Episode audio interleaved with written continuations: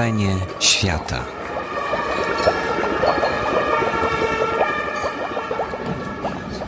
Dzień dobry. Witam Państwa na spotkaniu e, z Arturem Orzechem, autorem książki Wiza do Iranu. E,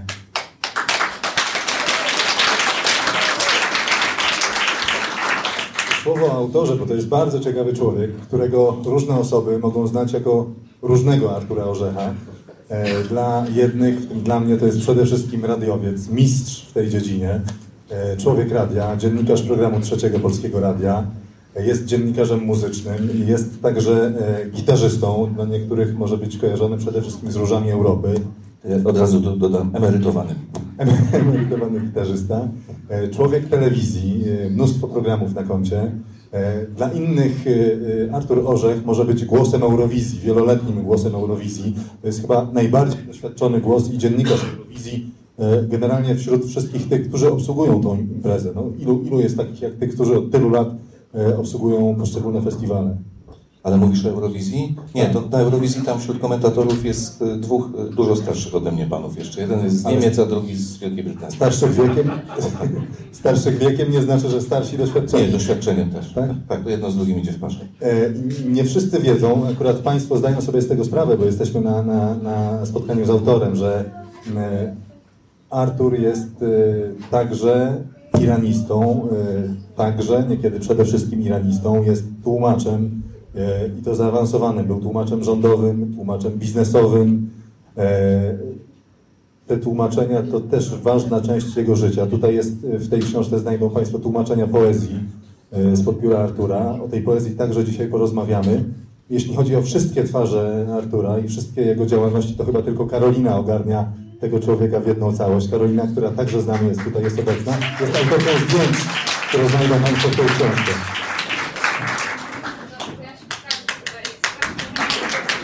Karo. E, to co, zaczynamy, zapraszam. E, a zaczniemy, proszę Państwa, Zaczniemy e, od Jafiora, tak. Tak sobie myślę. mamy jeszcze jednego gościa, który zagra na tym oto instrumencie. E, Instrument nazywa się Santur. Santur. Santur. Krót, y, krótki kurs wprowadzenia, który, który dostałem, tak jak Irena Santor, tylko przez U. Santur, łatwo zapamiętać. Dziękuję bardzo. Jafior Irani. Jela ze Jela ze Farbigontarku. Drodzy Państwo, pragnę przedstawić Jafiora, który zgodził się być dzisiaj z nami i przekazać nam odrobinę swojego wielkiego talentu. E, I tytułem e, wstępu chciałbym tylko powiedzieć, że Jafiora miałem okazję poznać blisko 20 lat temu, kiedy e, kompletnie nikt w Polsce nie wiedział o tym, że po pierwsze jest Irańczykiem i niewiele osób wiedziało, co to znaczy, że jest Irańczykiem. E, Po drugie, że jest e, muzykiem, po trzecie, że jest santurzystą, a po czwarte, że e, być dobrym, świetnym santurzystą to nie wszystko w ogóle, nie tylko w Iranie, ale także w Azji, ponieważ santurzyści z reguły nie śpiewają. Jakby gra na santurze, który jest instrumentem bardzo starym i pierwowzorem naszego europejskiego fortepianu, jest niezwykle trudna, ponieważ on wbrew pozorom jednak jest instrumentem, gdzie uderza się takimi małymi pałeczkami, czyli jest perkusyjnym instrumentem, co już utrudnia samą grę, a do tego e, śpiewać jest piekielnie trudno. On nie wiem jak to zrobił, ale posiadł e, wiedzę e, zarówno śpiewaną, jak i graną. Parafrazując, santurzystów było wielu, ale w Polsce żaden nie śmiał zagrać przy naszym przyjacielu. E, tak. Nie tylko w Polsce. Kiedyś zapytałem go, jak to jest, że, że ty potrafisz grać na santurze świetnie i śpiewać. On powiedział, no cóż, życie po prostu. Nie było wokalisty, musiałem się nauczyć. Ja Fiolina.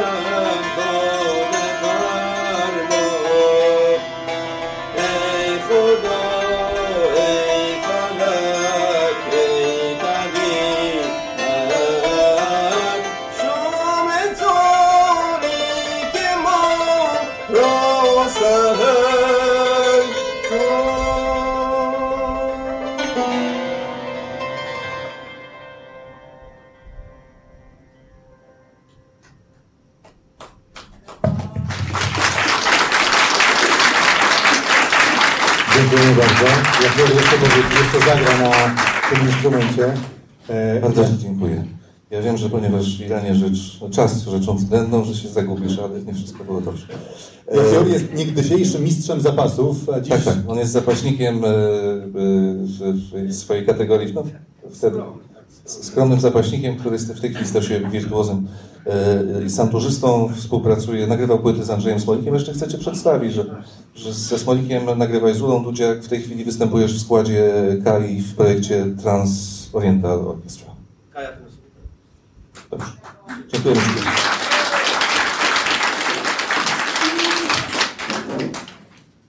przechodzimy do tematu, czyli do Iranu, który jest wielką Proszę. miłością Artura, a ta książka Wiza do Iranu to jest dziecko tej miłości. I zastanawiałem się od czego zacząć, bo można zacząć Wspólne nasze z wydawnictwem.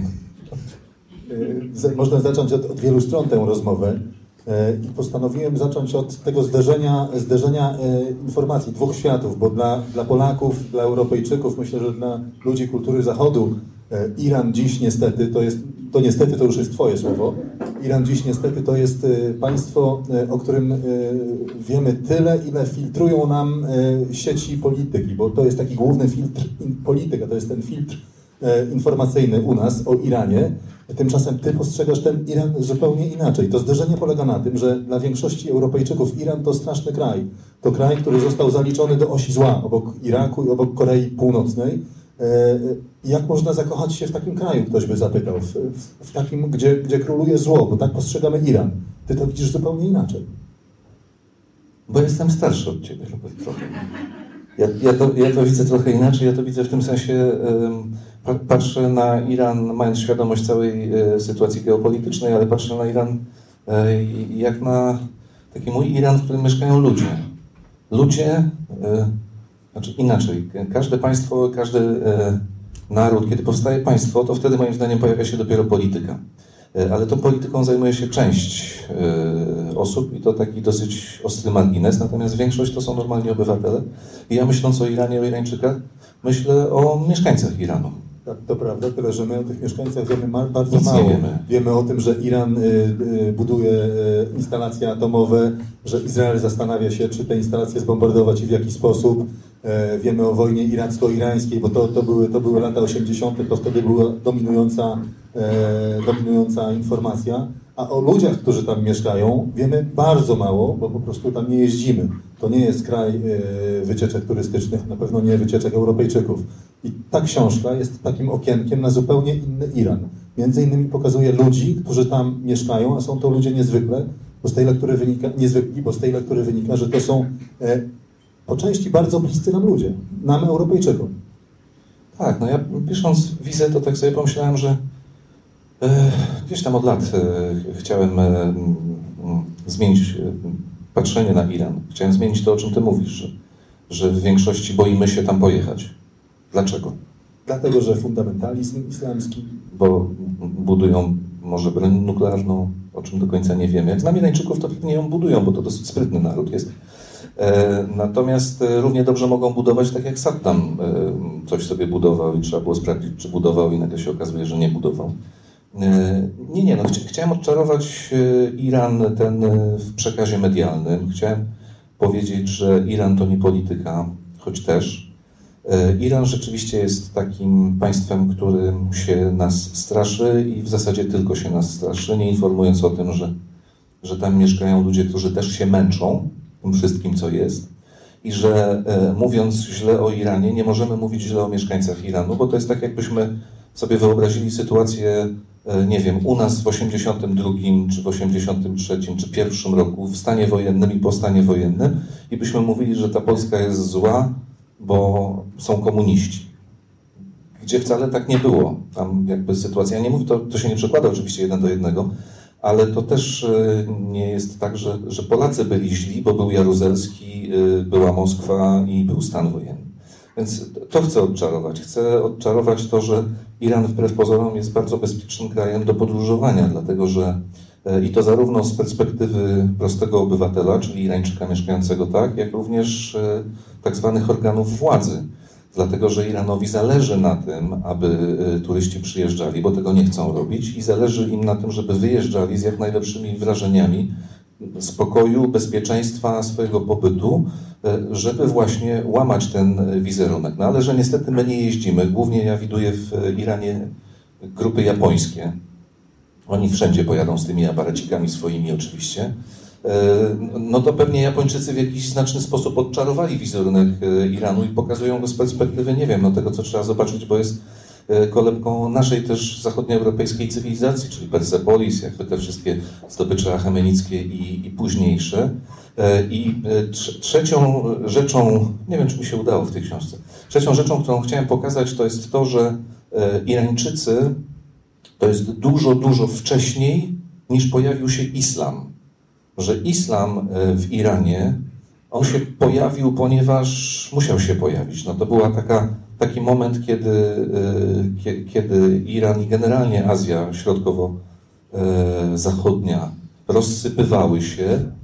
Arabowie e, znaleźli swoją religię, która tak naprawdę przecież też bazuje na judaizmie i chrześcijaństwie, e, ale znaleźli swoją drogę do, do monoteizmu i e, na, na bazie swojej bitności i waleczności zdominowali ten obszar, który wtedy już w sensie e, zarządzania i polityki gnił.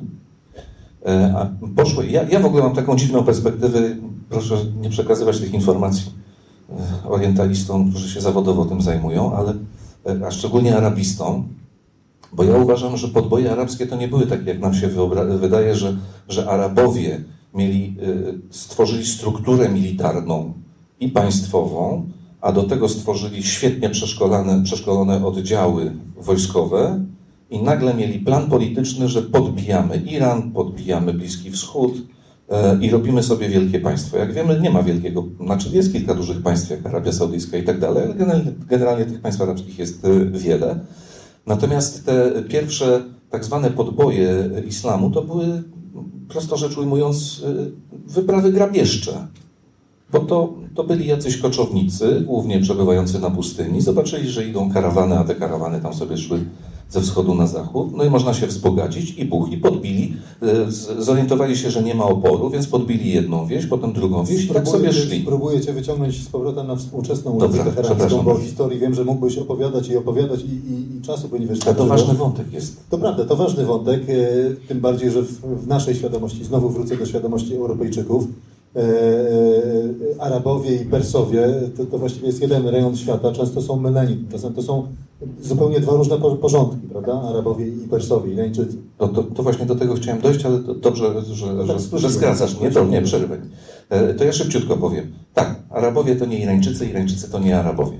E, To też jest coś, co męczy nie tylko mnie, ale także wszystkich Iranistów, a samych Irańczyków bardzo, bo jest e, no, dosyć mocno niesprawiedliwe. To kolejny skrót, bo napisałeś tutaj, że Irańczykom, Persom generalnie bliżej jest do Europejczyków niż do Arabów i to zdecydowanie. Jesteśmy jedną rodziną. Daleką, ale jesteśmy. Tak. Irańczycy, czy ludy irańskie, bo przecież to tysiące lat temu się działo, e, ludy irańskie jakby są gałęzią ludów indoeuropejskich, czyli takich jak my. My jesteśmy indoeuropejczykami. E, Natomiast Arabowie, Żydzi to, są, to jest gałąź ludów semickich. I teraz na granicy Iranu i Iraku, e, nie jak w tym dowcipie Iran i Irak, jaka to jest różnica, tylko dokładnie na granicy Iranu i Iraku przebiega granica kulturowa, cywilizacyjna ludów indoeuropejskich, Irańczyków, nie wiem, Tadżyków, e, e, Pasztunów, Hindusów, nas oraz ludów semickich, które są tam gdzieś e, na bok. Ale dążyłem do tego, żeby tak szybciutko ten islam ogarnąć, że po pierwsze Irańczycy dużo wcześniej mieli fantastyczne cywilizacje i struktury państwowe, zanim nastąpił islam, który był chaotyczny i, e, i tak naprawdę nie państwowo-twórczy, tylko grabieżczy. Ale proszę zwrócić uwagę na to, że nawet jak Irańczycy przejęli ten islam, bo nie mieli innego wyjścia, Zresztą Arabowie bardzo sprytnie to zrobili i to szacunek dla nich ogromny, ponieważ oni nie jak nasz, nasi krzyżowcy, nie do końca mieczykiem i spalimy was, tylko oni zajęli jakieś terytorium e, i stosowali najstarszą szkołę świata, którą stosował i profesor Balcerowicz i wszyscy dzisiaj stosują, czyli ekonomię. Otóż oni byli zoroastryjczykami w większości. I teraz e, pytano Roberta, który był Zoroastryjczykiem, Irańczykiem wtedy, Robercie, czy ty chcesz być Zoroastryjczykiem? I ty odpowiadałeś, tak, ja tu z dziada, pradziada, Pragnę. pragniesz. Nie ma sprawy, stary. Cztery razy większy bit płacisz niż my. Pragnę, ale nie aż tak bardzo. No widzisz. I nagle szybko zaczynasz zmieniać punkt widzenia. No, bo ekonomia jest ekonomią, co tam, dobra. Powiem więcej, już moi rodzice nie chcieli.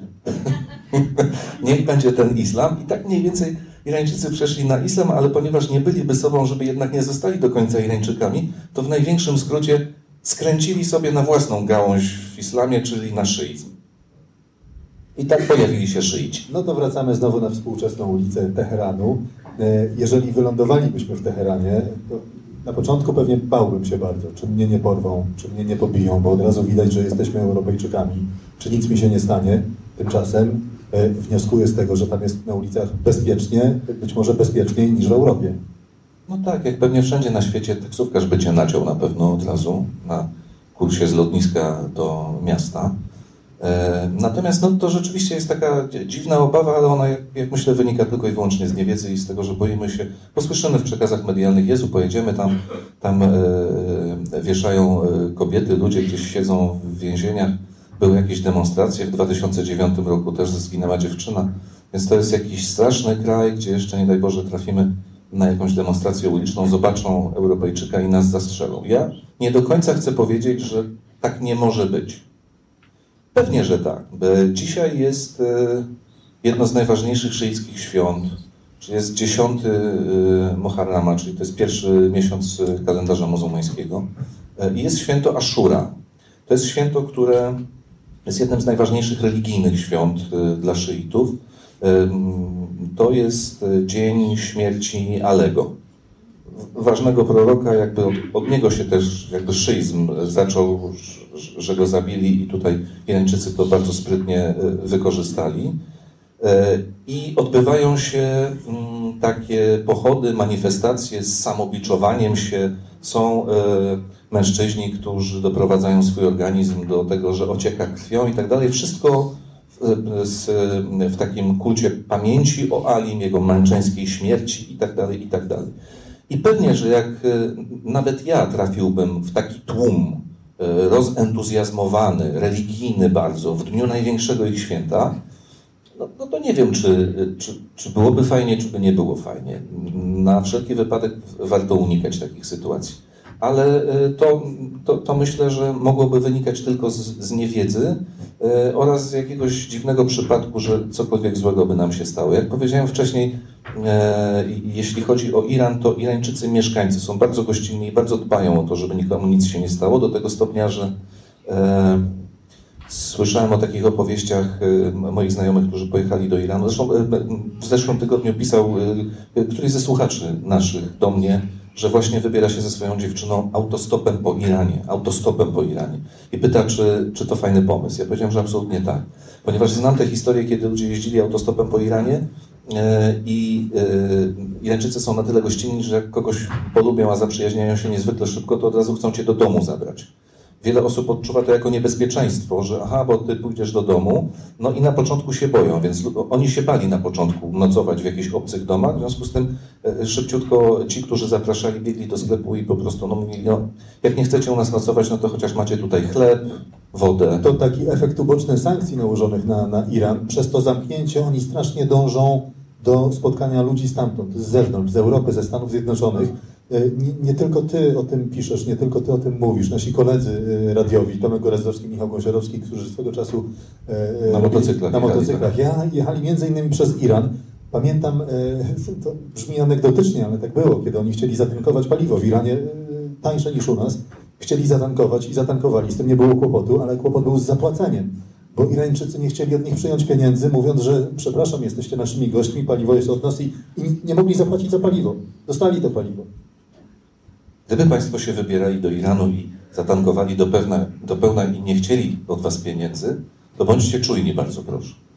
Bo e, oni rzeczywiście tak trafili. Natomiast jest taka figura w życiu Persów, bo to, e, bo to bardzo stary jest zwyczaj, to się nazywa Taorow. Prawda, Jachorku? Mhm. E, ja piszę o tym w książce.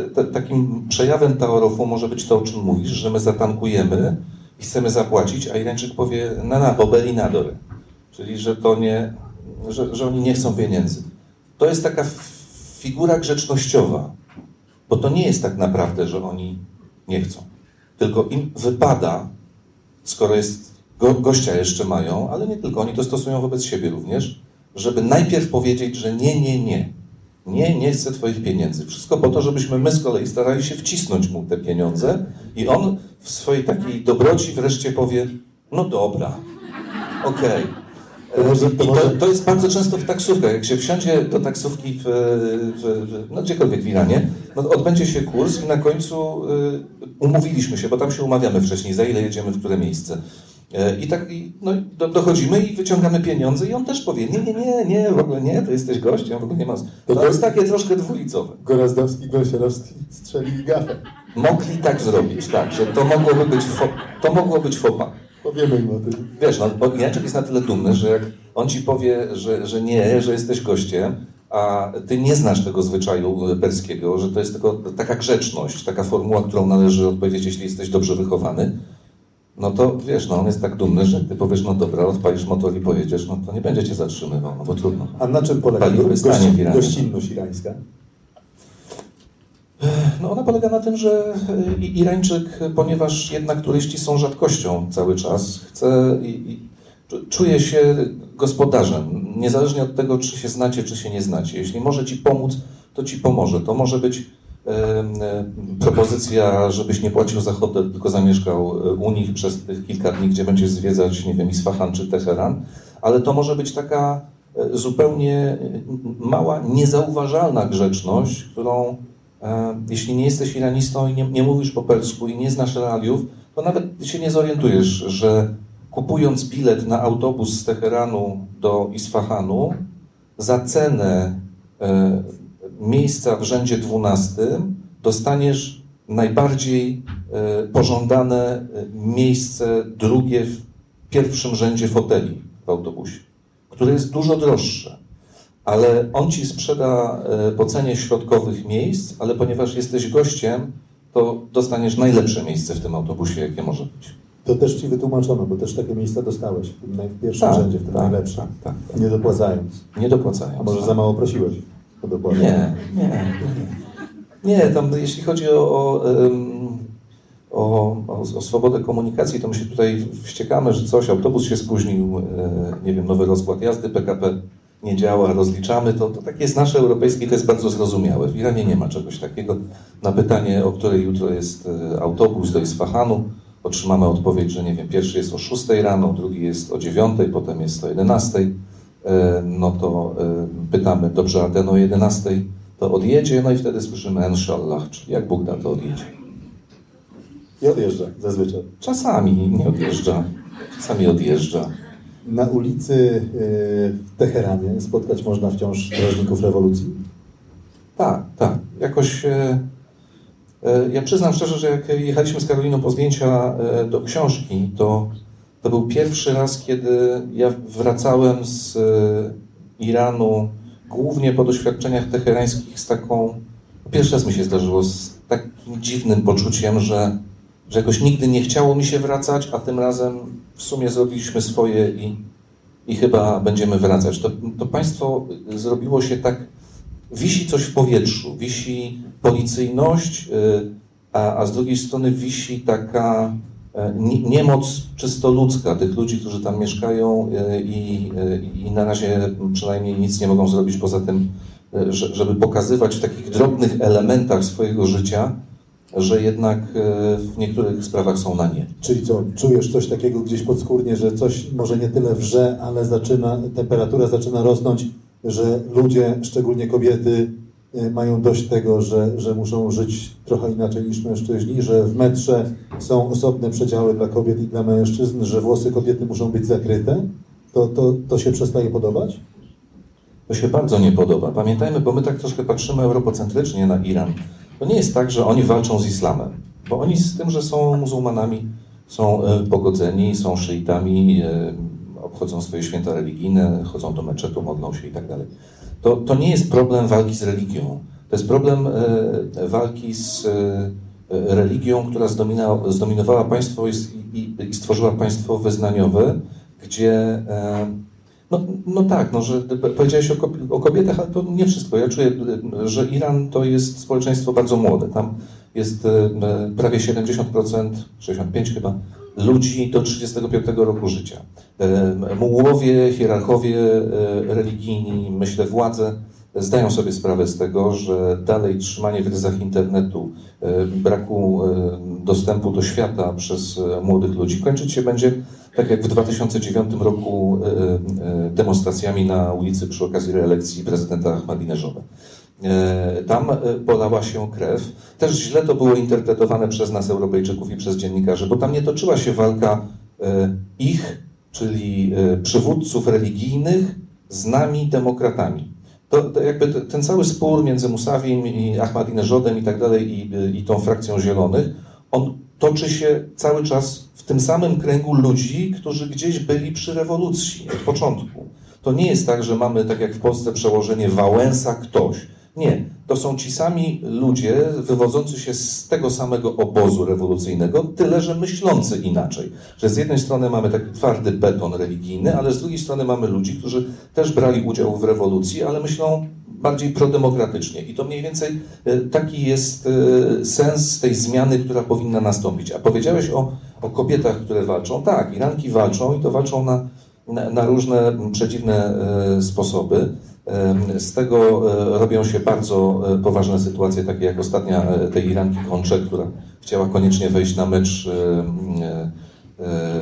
siatkówki, E, ale to, to sprawa jest teraz nagłośniona, ale to nie jest nowa sprawa. Ta sprawa toczy się bodaj od 2006 roku, kiedy reprezentacja piłki nożnej irańska grała u siebie z Bahrajnem. I to był ważny mecz i tam dziewczyny też chciały wejść na ten mecz.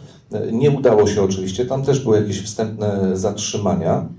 E, To w ogóle jest taki ruch, e, one ubierają wtedy białe chustki. Biały jest w ogóle kolorem takiej rewolucji staceńczym kolorem. U nas to jest ślubu, czystości, coś tam nie. W, w Iranie to jest kolor mm, ta, raczej odwagi i takiej... Czyli jeżeli będzie, to będzie biała rewolucja.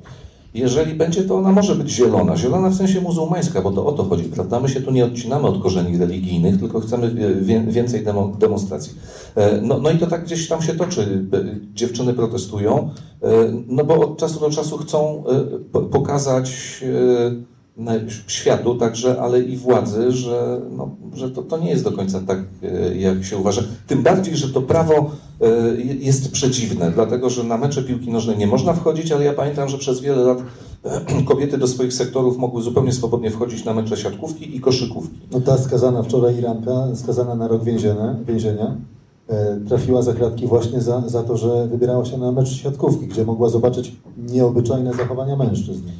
E, Jest taki film Panochiego, on akurat w 2006 roku był kręcony, przy, chyba przy okazji tego meczu z, e, z Bahrajnem, Offside się to nazywa, który pokazuje, że, no, no bo te panie, które protestują, one protestują, bo chcą pokazać, e, że tak być nie powinno, że one powinny też mieć prawo wstępu na stadion, kiedy grają em, mężczyźni, reprezentacja narodowa, bo tak naprawdę to o to chodzi. Ona jest silna, ona jest silna na arenie międzynarodowej, też chcą jej kibicować. Ale dochodzi do takich dziwnych skrajności, że dziewczyny przebierają się za chłopaków. Tylko po to, żeby wejść na stadion i kibicować. No to, to, to jest chore trochę. Mówiłeś o tym, że społeczeństwo irańskie to jest, to jest bardzo młoda społeczność, średnia wieku 35 lat. Tak? Że, no, jak mówię, ponad 60% ludzi do 35 roku życia. Czyli bardzo, bardzo młode społeczeństwo. młode. A co z problemami takich młodych społeczeństw? Znowu przez pryzmat Europy. Jak wygląda bezrobocie, jak wygląda wykształcenie wśród tych ludzi?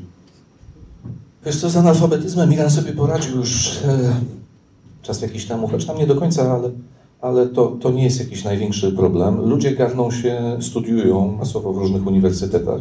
Tutaj też e, z moich informacji wynika, że studiują głównie dziewczyny, że na Uniwersytecie Teherańskim tam zdaje się 60 parę do 70% to są studentki, e, a nie studenci. Ludzie sobie radzą, chcieliby tylko e, mieć więcej wolności w kontaktach ze światem. Ci oczywiście, których stać na to, mają pieniądze, e, jeżdżą i studiują sobie w Stanach Zjednoczonych, Wielkiej Brytanii i we Francji. To, to nie jest jakiś problem. Natomiast mnie, e, przyznam, do, dobiła e, sytuacja w,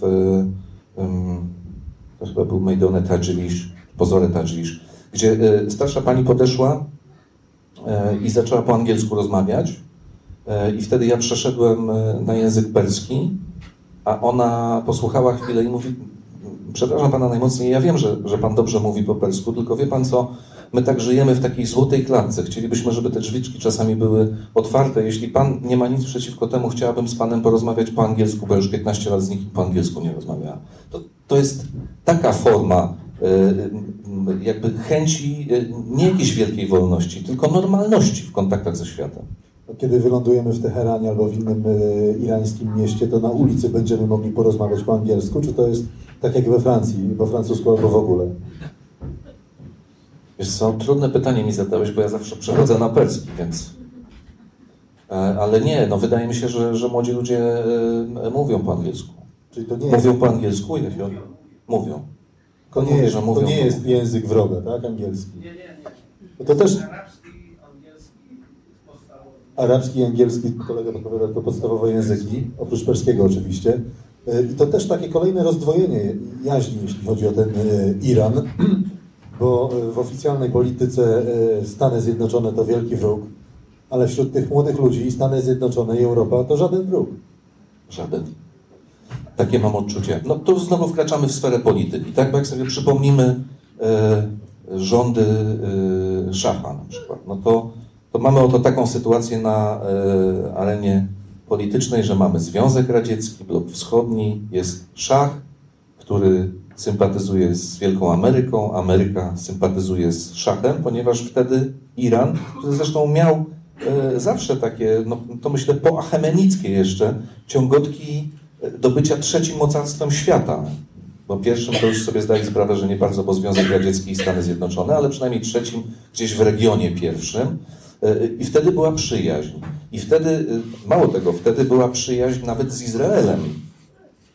Dlatego, że Iran był, jeśli dobrze pamiętam, drugim państwem e, w, w basenie Zatoki Perskiej. Cześć Wojtuś, nic, nic nie. E, W, w Zatoki Perskiej, który uznał państwo Izrael. No i potem nastała rewolucja i w sposób naturalny, jak to w sytuacji rewolucyjnej, tak? Jeśli walczymy z szachem, no to jego przyjaciele są naszymi wrogami, no więc to się musiało tak potoczyć. A teraz mamy sytuację odwrotną, tak?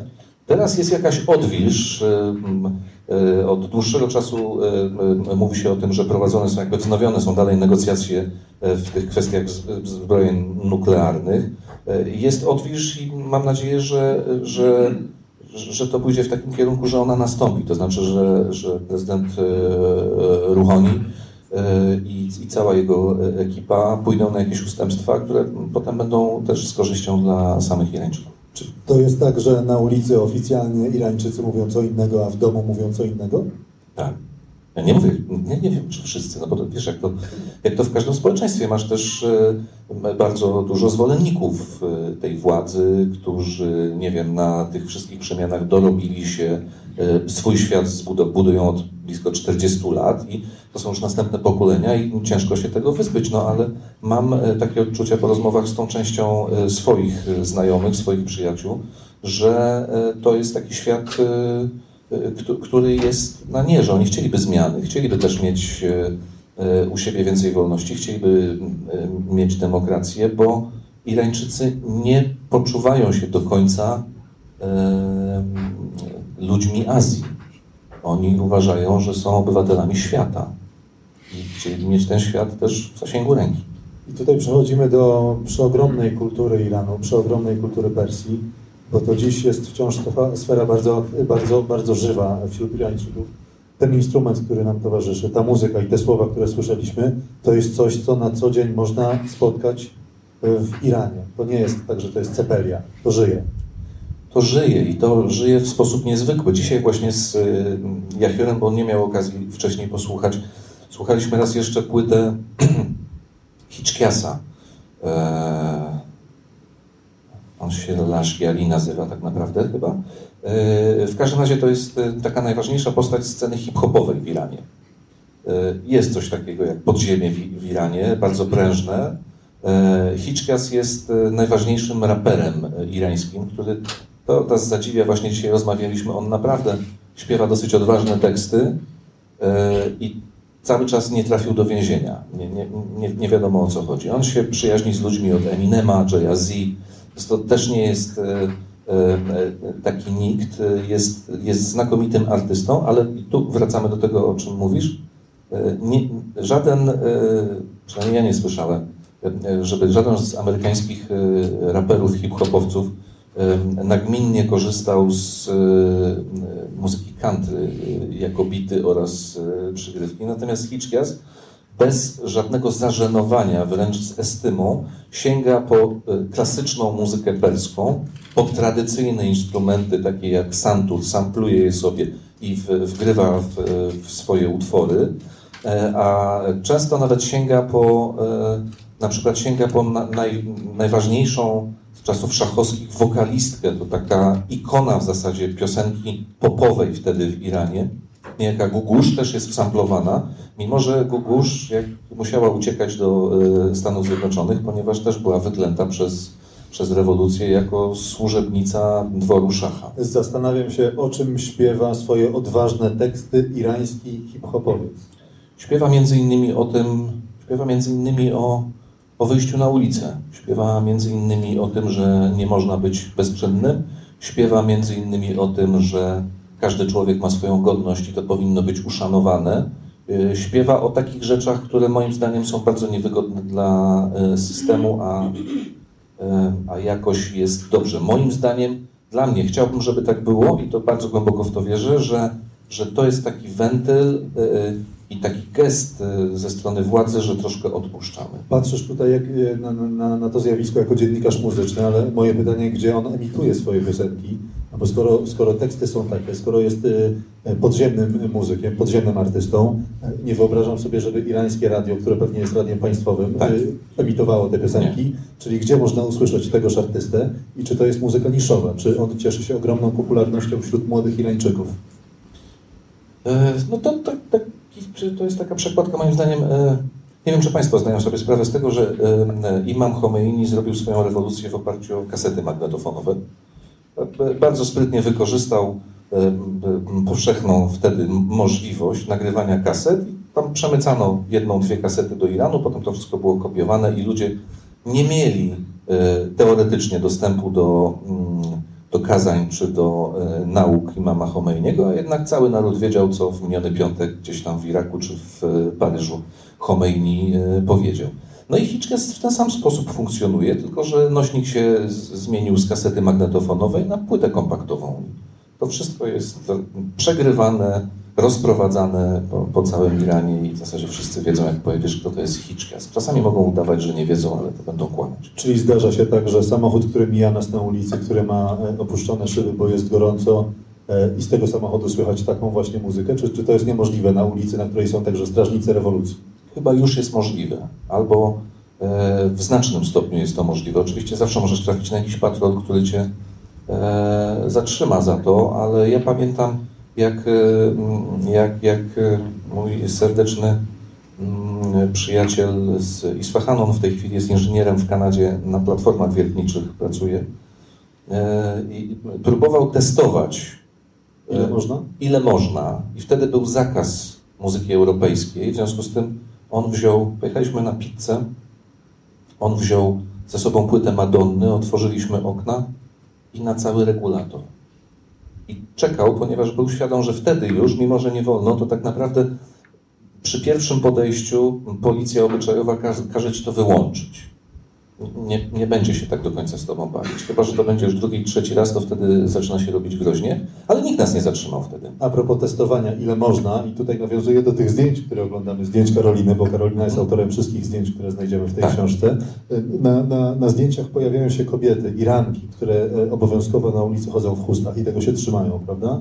Ale Te chusty, chusty im się nie trzymają. Chusty im się nie trzymają i one są e, coraz dalej, się osuwają do tyłu, coraz dalej, coraz więcej włosów pokazują przepiękne kobiety, tak na marginesie.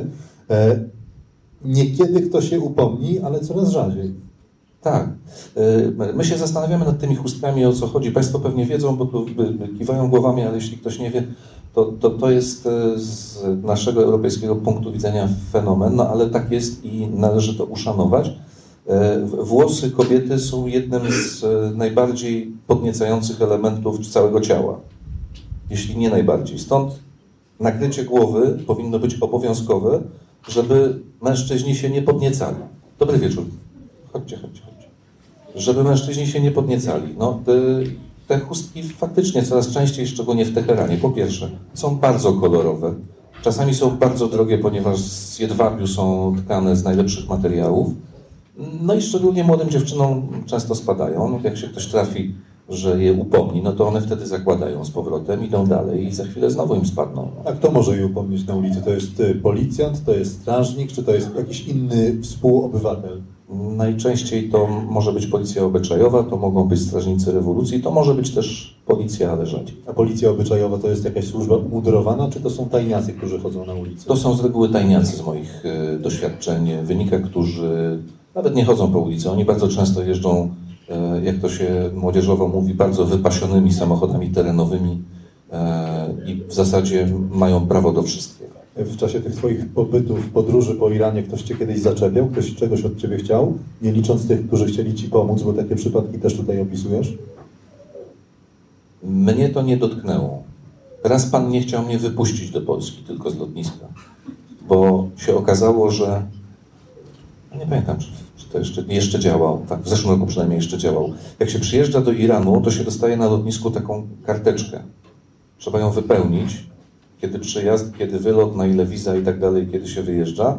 I oni przy wjeździe oddzierają połowę, a tą drugą połowę trzeba sobie zachować i zwrócić przy wylocie. I ja to zgubiłem gdzieś. I ten pan e, uznał, że mnie nie wypuści. W takim razie, jak nie mam karteczki, dzwoniono do hotelu, bo że może w pokoju zostawiłem, ale okazało się, że nie. E, przejął mnie jakiś pułkownik. E, to ja byłem w, wtedy w, w pracy tak naprawdę, bo pojechałem z jakąś ekipą taką ekonomiczną. Tu, Jako tłumacz. jako tłumacz, tak. I oni już wszyscy byli po drugiej stronie, a ja siedziałem do wylotu, było tam chyba pół godziny. E, I, I znowu odpowiadałem na te same pytania, dlaczego nie mam tej karteczki, że bez tego to nie wiem, że trzeba dzwonić do ambasady i ta ambasada, ktoś tam miał przyjechać, jeszcze z tej ambasady nie przyjeżdżał, za pół godziny odlot i, e, i wtedy ja zacząłem, świadom tego, jak to działa na Irańczyków, zacząłem recytować wiersze. Tak Wariat, wariat. No właśnie nie w Iranie. No właśnie nie w Iranie. W Polsce wariat. W Polsce wsiadamy do taksówki i nie jesteśmy w stanie przeżyć takiej sytuacji, że, y, że, że taksówkarz nie słucha disco polo czy jakiejś dziwnej stacji radiowej, tylko ma włączone, e, e, no nie wiem, e, ma włączone czterowiersze Hayoma recytowane przez, czy śpiewane przez Shadja Rajona, największego takiego e, artystę w- perskiego, że, że ktoś e, słucha czytanej poezji i to nie musi być poezja współczesna, tylko to może być, no nie wiem, wsiadamy Robert do taksówki jakiejkolwiek korporacji, daj panu płytę kasetową i ktoś świetnie czyta e, pana Tadeusza. No usłyszysz to? Drugi wariat. No. Drugi wariant tej taksówki. I tam, Tak, i tam, i tam kiedy zacząłeś recytować te, te wiersze, to co Zadziałało, zadziałało. Zadziałało, on przestał zwracać na mnie już e, uwagę, potem e, się zastanowił, a on mówi, to ty znasz wiersze na pamięć, tak? A coś tam, a znasz jeszcze, a Hafeza znasz? Tak, akurat wtedy coś tam jeszcze byłem w stanie e, wyrecytować Hafeza i to było w ogóle jakieś takie przedziwne, bo, bo, bo w pewnym momencie on tak na mnie spojrzał, mówi, no dobra, to jak znasz na pamięć wiersze perskie, to leci.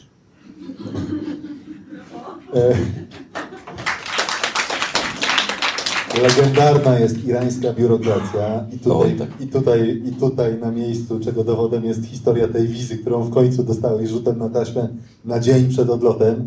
E, myślałeś, że już się nie uda, prawda? E, Byłem pewien, że I już się nie wierszami pokonałeś tę, tę, tę biurokrację irańską, ale nie o tym chciałem, chciałem zapytać o to, jeszcze wrócić na chwilę do tego społeczeństwa, bardzo młodego i bardzo dynamicznego i w którym coś się zaczyna dziać, coś tak przeczuwasz. Y, Ile jest y, w tym społeczeństwie y, świeckości, a ile jest religi- religijności? Mówię o tych młodych ludziach, którzy są niedaleką przyszłością, a może już teraźniejszością Iranu. Co trudne zadajesz pytanie panów w średnim wieku, bo ja tak do końca już nie mam kontaktu z tymi młodymi ludźmi. E, Wszyscy moi przyjaciele albo już uciekli z Iranu i zaczęli wieść sobie spokojne e, i dobre, wolne życie w Kanadzie, w Wielkiej Brytanii.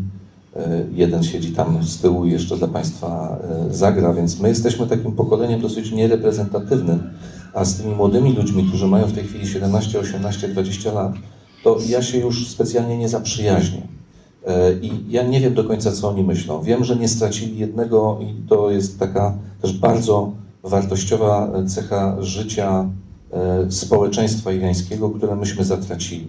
Zatraciliśmy je być może e, przez internet. Ja nie mówię, że internet jest złą rzeczą, ale nagle internet e, wyparł z naszego życia społecznego mm, autorytety, ludzi.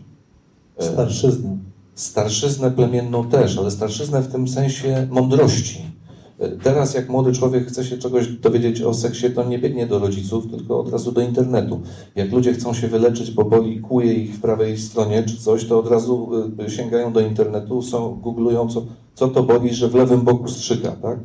E, Od razu mają lekarstwa, wszystko mają na to. Kiedyś e, taka mądrość e, i prawdziwa mądrość, nie te śmieci wszystkie, były przekazywana gdzieś tam przez starszych ludzi. E, I wracam do, do, do, młodych. Oni tego nie zatracili. Tam cały czas biała głowa jest szanowana, e, jeśli to jest mądry człowiek. E, I młodzi też to szanują. I cały czas są dobrze wychowani. Ja pamiętam, jak pytaliśmy, o co my pytaliśmy? O restaurację czy coś? I podszedłem do, do, do tych dwóch młodych chłopaków, którzy jechali jakimś samochodem terenowym tam na Szemiranie opodal kompleksu Pałaców Szachowskich. E, I, no i to jest właśnie gościnność e, irańska. Ja ich zapytałem, jak dojść do parku. A oni mówią natychmiast, skąd przyjechaliście? Ja mówię, z Polski. No to wsiadajcie. E, wsiedliśmy i on nas zawiózł do tego parku. Mało tego, podwiózł nas na samą górę i to nie wszystko. Tam zapłacił jakiś wjazd na opłatę parkingową, poniósł drugą. Ja chciałem mu oddać, on oczywiście nie chciał i to nie był Taorow już. E, I, e, I potem wysiadł z samochodu I pokazał nam restaurację, która była dosyć e, wysoko i mówi, że to jest tam. Ja mówię, no to dziękujemy, my sobie pójdziemy. Nie. On poszedł z nami na samą górę i dopiero przed restauracją, kiedy ja go... E, nie, to jest, to jest człowieka, Shiraz. To jest zdjęcie tego człowieka znajdziemy w książce. Tak, tak, on tam gdzieś jest w książce, odprowadził nas pod samą restaurację i kiedy my ponowiliśmy zaproszenie, że to może chociaż na herbatę, powiedział, nie, bo on musi lecieć na zajęcia, bo jest studentem Politechniki. To jest, to jest gościnność perska. E, To przy okazji zapytam, bo, bo za, e, ów, ów, ów kierowca zapytał, skąd jesteście? Z Polski. E, Czy on wiedział, gdzie jest Polska? Tak, czy to jest tak. tak, jak w Stanach, gdzie, gdzie kiedy Nie. komuś powiesz, że, że jesteś z Polski, to... Nie, nie, nie, nie. Irańczycy wiedzą dokładnie, gdzie jest Jaka jest Polska. świadomość świata? Wiesz co, to jest świadomość, to jest świadomość polskiej armii Andersa, która przechodziła przez Iran. To jest świadomość, to my nie mamy na przykład tej świadomości, że niedźwiedź Wojtek, tak? Tak. Słynny niedźwiedź Wojtek, który walczył z polskimi wojskami, palił papierosy, tak? Tam pił wódkę, nie wiem co on jeszcze robił, ten niedźwiedź. Y, To jest niedźwiedź, który przez polskie wojsko został kupiony w Iranie. To jest irański niedźwiedź, ten Wojtek. I on tam gdzieś chłopcy, od chłopców został odkupiony, od żołnierzy. Ja rozmawiałem w ambasadzie e, Iranu w Warszawie właśnie e, o tym, e, szukając potwierdzenia, że, że niedźwiedź Wojtek jest niedźwiedziem e, perskim. E, I, i, I widziałem takie bardzo grzeczne, ale taką wyczuwalną nutę takiego żalu, że, że, że my cały czas w Polsce wiemy za mało o Iranie, za mało o historii i szczególnie o tych wspólnych elementach historii, które są bardzo żywe. E, Jeszcze jeden wątek przy okazji, który chciałem pociągnąć. Będę musiał sobie chyba, chyba notować te wątki poboczne. Seksualność, to słowo padło.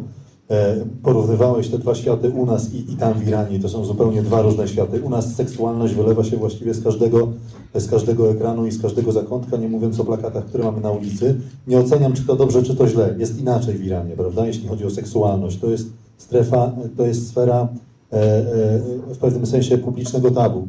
Ale e, Kultury, obyczajowości tak, tak. tak. Kiedy u nas y, młody człowiek chce coś wiedzieć na temat seksualności, na temat seksu, to wszystko znajdzie niestety w internecie i tam sięgają młodzi po, y, y, y, najpierw. Y, Ale ewentualnie. oni, ja uprzedzę Twoje pytanie, oni też już sięgają, wiesz? Oni też już Czyli sięgają. to nie jest tak, że tam imam wszystko wytłumaczy. Nie, nie, to się pozmieniało. No mamy XXI wiek, oni oczywiście mają w Iranie e, internet filtrowany, są strony, na które nie wejdziesz, ale e, Irańczycy są bardzo zdolnymi ludźmi, także w sensie informatyki. Oni potrafią złamać wszystko, oni potrafią się przekierować na serwery gdzieś tam e, w Ameryce Południowej, więc to, to nie jest jakiś wielki problem. Oni też już korzystają z internetu. Ten dostęp nie jest tak łatwy jak dla nas, gdzie my mamy wszędzie w tej chwili. Wi-Fi będzie nas e, otaczać i nie będziemy musieli się nawet przepinać, a za chwilę Wi-Fi będzie bezpłatne dla wszystkich. E, Oni tego nie mają, oni muszą walczyć o ten swój dostęp do internetu, ale oni też to pokonują. A jakie strony są filtrowane? Wiesz co, Facebook jest filtrowany na przykład. Y, Ja miałem, y, to, bo to, że internet to, to, to, to nic, ale ja pamiętam, że jak byłem wcześniej, przed zdjęciami, chyba rok wcześniej w Teheranie, to, to byłem zadziwiony sprawnością służb irańskich w kontekście filtrowania SMS-ów, które się wysyła. Ćwiczyłem to cztery razy. E, Bo nie uwierzyłem za pierwszym, nie uwierzyłem za drugim, nie uwierzyłem za trzecim. Za czwartym już musiałem uwierzyć, bo jakoś nie ma innego wytłumaczenia. Otóż, jeśli pisałem SMS-y z Teheranu, doleciałem wszystko ok, cieszę się, że tu jestem, natychmiast przelatywał do Polski. Natomiast jak pisałem następnego dnia, Iran staje się coraz bardziej nie do zniesienia, reżimowy, policyjny, to ten SMS nie wychodził w ogóle. Potem pisałem znowu jakiś, że bardzo się cieszę, bo, e, bo- miałem okazję e, zjeść e, dobry szaszłyk z kurczaka i coś tam, fru, poszedł. I kiedy znowu pisałem, że takie słowa kluczowe, Iran, reżim, niedobrze, to te SMS-y nie wychodziły. Ja je miałem w telefonie. Dobrze, szaszłyk z kurczaka, Tak, tak, tak, tak. E, i-? Z Słucham? Z polskiego telefonu. tak. Ja myślę, że to w każdym języku taki filtr tam już działa, że to, to jest taki program przygotowany, że, że, że te neutralne wszystkie rzeczy wychodzą, natomiast jak coś się pisze nie tak e, politycznie, to, e, no, no to, to po prostu zostaje w telefonie, jest jakaś blokada i, do widzenia. I to następnego dnia próbowałem ponawiać, bo to nie tak, że raz sobie wysłałem i nie przeszło. To po kilka razy i te SMS-y nigdy nie poszły. Skoro o takich technologicznych rzeczach mówimy, e, nasze telefony, nasze karty działają w Iranie, tak? Mamy jakiś tam Tak, współpracujących tak, tak, działają. operatorów. Tak. E, Karty bankomatowe, pieniądze ze Nie. ściany. to- Nie, nie, nie. O pieniądzach ze ściany to możesz zapomnieć. Oczywiście są, e, są, no są jest jeden, jedna sieć bankomatowa, taka niby światowa, nie pamiętam jak ona się nazywa. W każdym razie jest sankcje na Iran nałożone, uniemożliwiają e, przepływ gotówki w jedną czy w drugą stronę. Zresztą pisze to w kwestii uzyskania wizy też prze- przedziwnie to kombinują, że kontaktuje się z biurem turystycznym w Teheranie, na ale na konto w Szwajcarii do jakiegoś faceta wpłacam opłatę za wizę, coś w ogóle. No, oni potrafią to obejść oczywiście, natomiast jeśli chodzi o bankomaty, one są, one działają, ale one tylko działają dla Irańczyków. Czyli co? Czyli dla obywateli, którzy mają konto w banku irańskim i do tego konta mają swoją irańską kartę. Czyli co? Jak to zrobić? Czyli kasiorę musisz zabrać tam po prostu. Ale jaką kasiorę? Dolary? Albo euro. Można wymienić całą kantory na ulicach, czy to jest jakaś... Bardzo teraz jest już e, wygodnie, dlatego że, e, że zupełnie spokojnie można w, w e, oficjalnych kantorach wymiany wymieniać pieniądze i ten kurs jest już dosyć korzystny w stosunku do czarnego rynku. Znaczy powiem inaczej. Kiedyś, żeby dobrze wymienić, trzeba było korzystać z czarnego rynku, narażając się A na oszustwo, B to było karalne, to było wykroczenie na terenie Iranu. W tej chwili, bo różnica między kursami była ogromna. Mogłeś albo w banku po bardzo zaniżonym kursie sprzedać te dolary, albo na czarnym rynku. W tej chwili są kantory, które różnica jest niewielka, nie ma co ryzykować. A pieniądze w Iranie się przydają, między innymi w restauracjach, No. bo jedzenie mają przepyszne. Tak, tak. No wiesz, ja lubię pewnie, nie, nie, nie wszyscy, jeśli Państwo e, uwielbiają zupy i tylko zupy, to się nie najedzie w Iranie, bo tam zup dobrych nie mają zupy, ale one jakoś tak nie, nie, no nie są tak dobre. A jeśli ktoś jest wegetarianinem? Jeśli ktoś jest wegetarianinem, zostają mu ryby, zostają mu e, wspaniałe owoce, zostaje ci ryż. który potrafią przyrządzać. O, cudownie, A jeśli ktoś jest mięsożercą, to znajdzie się w raju. To znajdzie się w raju, chyba że będzie oczekiwał kotletów schabowych i wieprzowiny szeroko pojętej, to nie. Co, co jedzą? Jakie jest ich pożywienie takie na co dzień w domu, na obiad? Co robią Irańczycy? Wiesz co, restauracje są restauracjami, oni bardzo często jedzą w restauracjach. To jest takie naturalne i, i, zwyczajowe, szczególnie e, w wolne dni albo wieczorami się całymi rodzinami idzie i stołuje w restauracji, ale, ale lepsze jedzenie jest w domu, w perskim domu, dlatego że takiego kufte, szczególnie różnych pulpetów przyrządzanych w sosach z e, orientalnymi przyprawami, tak naprawdę nie spotka się w każdej restauracji w, w Iranie i to E, To są potrawy e, przekazywane z pokolenia na pokolenie i takie rzeczy jak dobre kufte to tylko w domu. A co piją Irańczycy? Kawa, herbata? Ja chciałem zapytać o alkohol. Czy w domach piją alkohol? Ci, co piją, to piją. Ale zdarza się? Czy, czy to jest jakaś strasznie, e, straszny grzech, straszne wykroczenie i? Jakiego? A skąd, a, skąd biorą, a skąd biorą alkohol? Bimber. Tak, jeśli chodzi o Isfahan na przykład, to sprawa jest bardzo prosta, bo w Isfahanie e, okrutny to jest strunek, naprawdę. Głowa tak boli po wypiciu czegoś takiego. Pociągnąć autora za język, to się jej odpowiedź znajdzie. Nie, to o Shirazie powiem. W Isfahanie y, jest mały kłopot, ponieważ w Isfahanie jest y, dzielnica ormiańska. I oni pędzą bimber z rodzynek. I wystarczy znać Ormianina i to jakby nie jest, nie jest to smaczne, ale generalnie mo- można to dostać. Natomiast w Shirazie to jest w ogóle taki wyrzut sumienia dla, dla współczesnego Iranu, dla władz w Shirazie, który jest raz, że świętym miastem, bo tam Hafez leży, największy poeta perski i tak dalej, i tak dalej, ale w Shirazie, bo tam produkowano słynny szczep winogron Shiraz, który na całym świecie jest w tej chwili znany, gdzie produkowano najlepsze wino z tego właśnie szczepu, gdzie ponoć, jak nielegalnie powiedzieli mi e, ludzie, to wino dalej jest produkowane, tyle że przez władze w sposób potajemny, butelkowane w ograniczonych ilościach i sprzedawane na świecie za straszne pieniądze. W Shirazie nie można oficjalnie kupić wina, ale widzieliśmy co najmniej dwóch panów, od których nieźle zalatywało takim Shirazem. A w hotelu, w, restauracjach hotelowych jest alkohol? Nie, nie, nigdzie nie ma, nie, nie. Jeśli chodzi o alkohol, to e, oczywiście można go kupić, można także kupić przemycane whisky i tak dalej, natomiast to są już takie sytuacje, których nie rekomenduję, bo No bo to trzeba naprawdę mieć przyjaciela, znać się z kimś, być pewnym, żeby się nie narazić, no bo e, i wóz, i, i spożywanie alkoholu i tak dalej Czyli to jest są karane. domo, domowe historie. Domowe historie i przemycane To w historie. takim razie chciałbym, żebyś przeczytał początek tego wiersza. To jest twoje tłumaczenie. Korzystając z tego, że to ty masz okulary, a ja swoich nie zabrałem.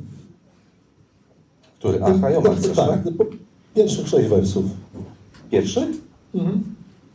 Nigdy nie dowiemy się, jaką zagadką jest nasze życie. Nikt z nas jej nie odgadnie. Gdy opadnie kurtyna życia, i tak nie powiemy, jak było. Tak jak deszcz z chmury na nowy rok przemył twarz tulipanów, taki ty powstań. Chwyć puchar wina z radością. No.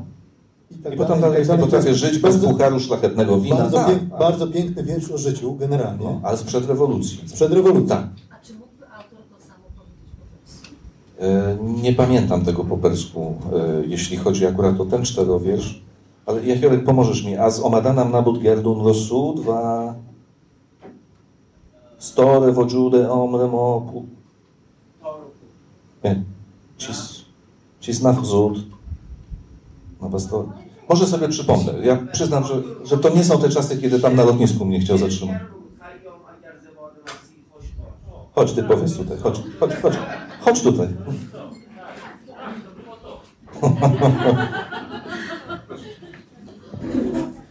To jest a pro, a pro do wina, bo Hayom właśnie mówił o winie. Dużo bardzo pisał Hajamowi. E, właśnie po, poeci tam w Iranie albo pisali o siebie. Ra- Raczej e, chcieli zostawić e, prawa autorskie jak w Europie, e, jak w Polsce e, za X. Tam wtedy nie był za X, ale zostawili swoje imię nazwisko. Hayom mówi Hayom agar zebode masti hoşboş. Poczekaj, bo ja sobie tam to próbuję przypomnieć. Ty... با با ماهرخی اگر نشستی خوش باش گر عاقبت کار جهان نیستی است انگار نیستی چو هستی خوش باش A kim był ten poeta, który napisał ten wiersz? خیام خیام Poeta przedrewolucyjny. tak, tak, to ponad 300-400 lat to było. Mówiłeś o tym, że, że w Iranie zdarza się, że, że e, Irańczycy produkują alkohol, czyli pędzą bimber z rodzynem. Tak, w domu dla siebie albo winogron czerwone robią wino tam na świętach piją dla siebie. Oczywiście nielegalnie.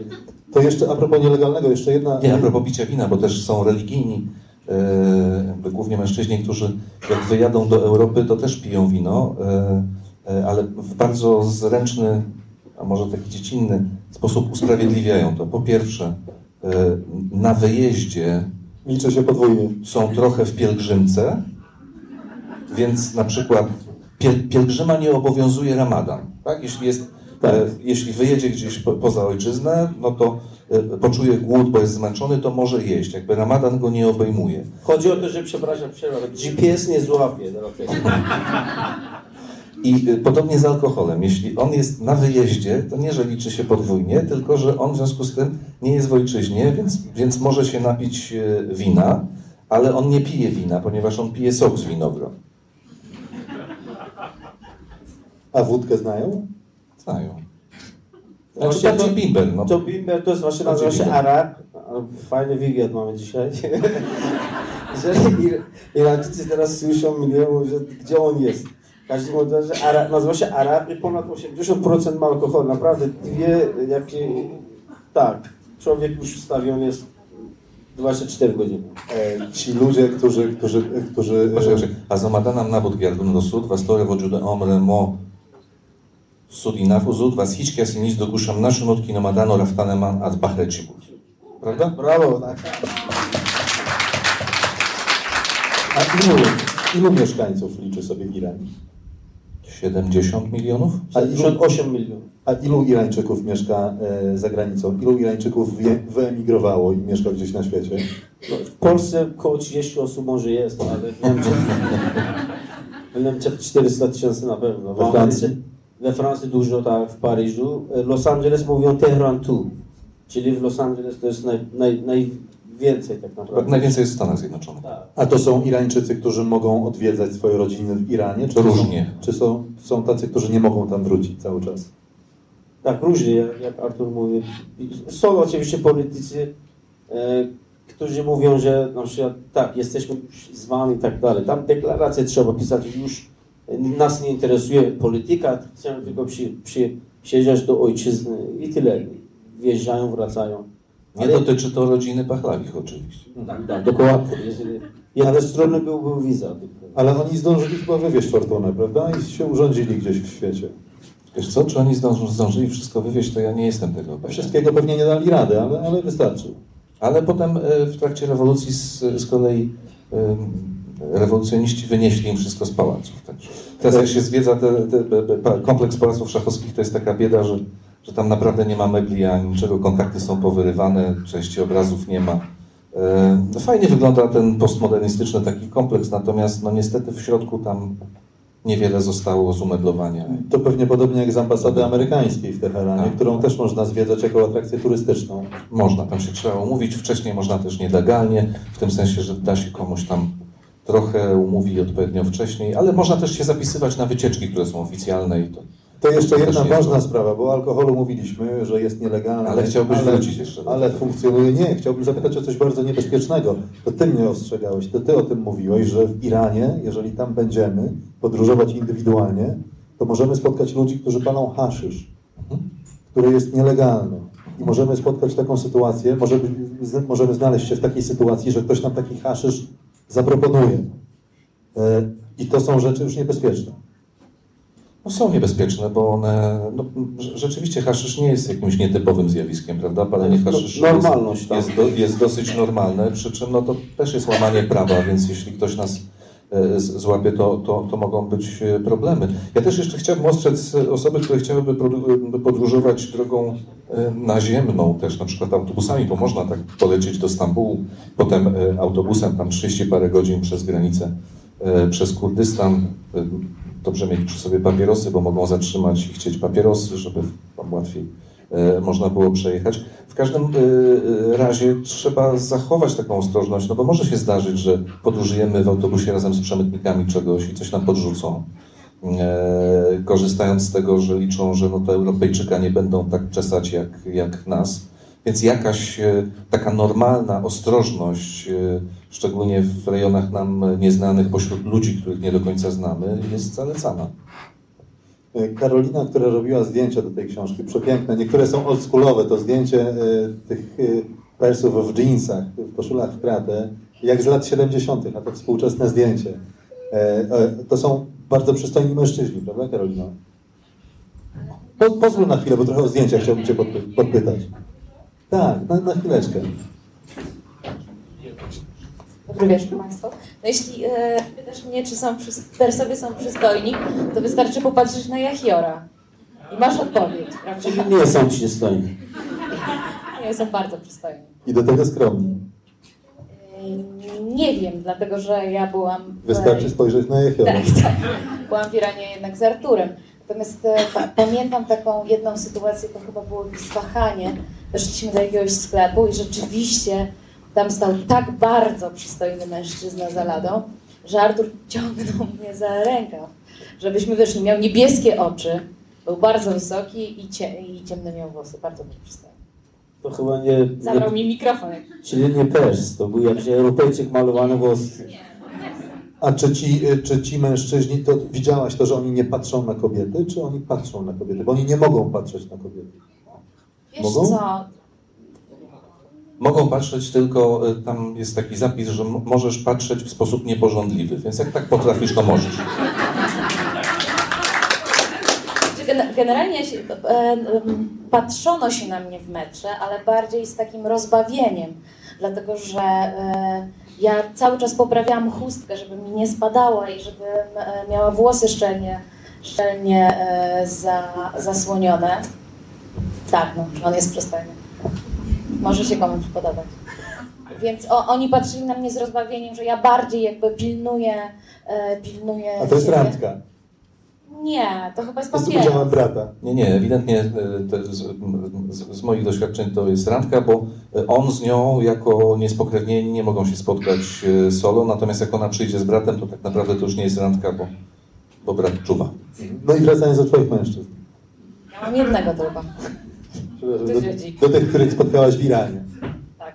Jacy oni byli? Jak, jak ich postrzegałaś? Co, ja nie... Bo, bo, Artur, bo Artur używa w książce takiego określenia irański macho, ale tam chyba nie ma macho w takim, w takim naszym Jak europejskim. popatrzysz na mężczyzn, których fotografowałam, no to, to, to, to jednak oni się ubierają jak, jak macho. E, no proszę.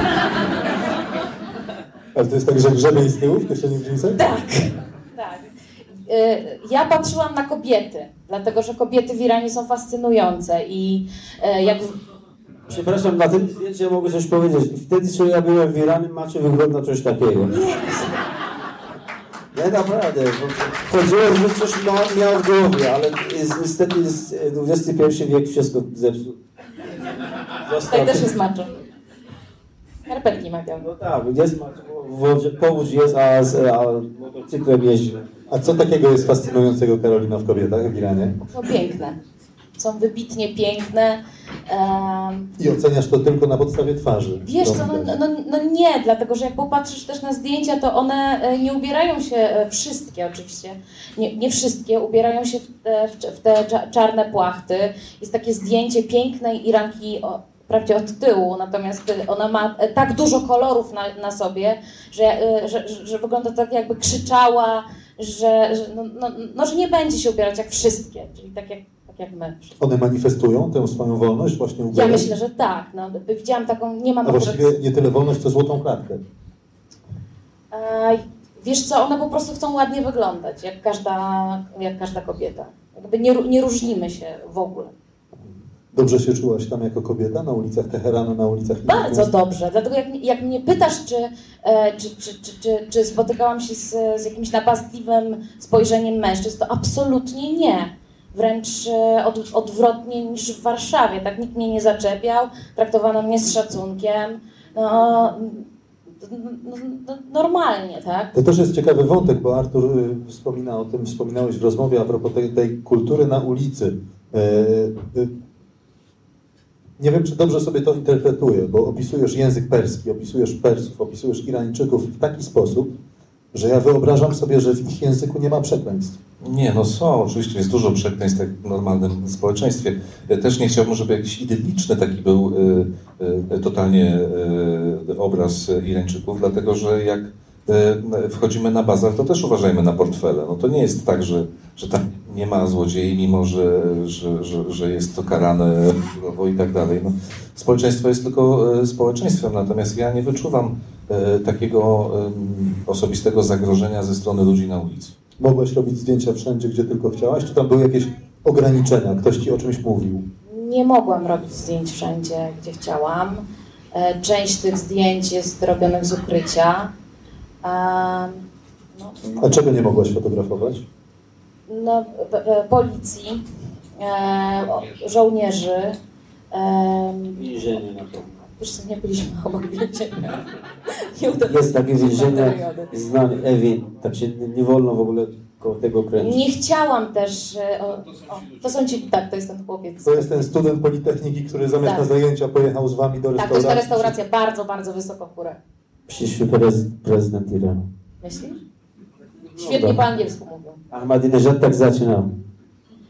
Ja też nie chciałam wszystkich e, tak, o, o, wiesz, e, fotografować e, otwarcie, dlatego że jak byliśmy, siedzieliśmy w metrze i widziałam dziewczynę z chłopakiem trzymających się za rękę, no to gdybym im zrobiła zdjęcie, oni poczuliby się pewnie zagrożeni. Więc e, robiłam to dosyć dyskretnie. I to z jednej, strony, z jednej strony teoria i praktyka, bo w teorii ta dziewczyna i ten chłopak nie powinni jechać metrze obok siebie, na pewno nie powinni trzymać się za rękę, a w myśl teorii powinni jechać w osobnych przedziałach, tak, w osobnych miejscach dla kobiet i dla mężczyzn. I wy się na to daliście złapać. To znaczy, my tak, my tak jeździliśmy, natomiast e, jak rozmawialiśmy przez tą ba barierkę taką, e, to podszedł do Artura jeden z, z, z, z pasażerów i powiedział mu, dlaczego ty nie stoisz razem ze swoją żoną? A Artur mówi, no bo macie tutaj przedziały i my szanujemy waszą kulturę i, no, no i tak chcemy się zachować. A on powiedział, ale nie, spokojnie, możecie stać obok siebie, to jest tylko tak właściwie formalnie. Ale nie do końca, bo potem jak jechaliśmy metrem, nie pamiętam, czy to była jeszcze ta, ta sama podróż, czy innego dnia. W każdym razie pojawiła się stacja, na której wpadło e, czterech takich e, panów, którzy natychmiast rozdzielili. Nie, znaczy nas to nawet nie ruszali, bo chyba wyczuli, że, że, że obcy i, e, i że, że to nas nie dotyczy. Natomiast e, Irańczyków, i to niezależnie od wieku, młodych ludzi rozdzielili, e, kazali natychmiast dziewczynie przejść do części żeńskiej, ale również takich starszych państwa, matkę z synem rozdzielono i ona też musiała przejść. Krzyczeli strasznie, generalnie jakoś tak nieprzyjemnie się zrobiło. Nie, że e, bali się Irańczycy czy my, tylko tak e, złamanie takiego fajnego klimatu, po czym oni wysiedli na następnej stacji i wszystko wróciło do normy. Czyli taki zabawa w kotka i myszkę.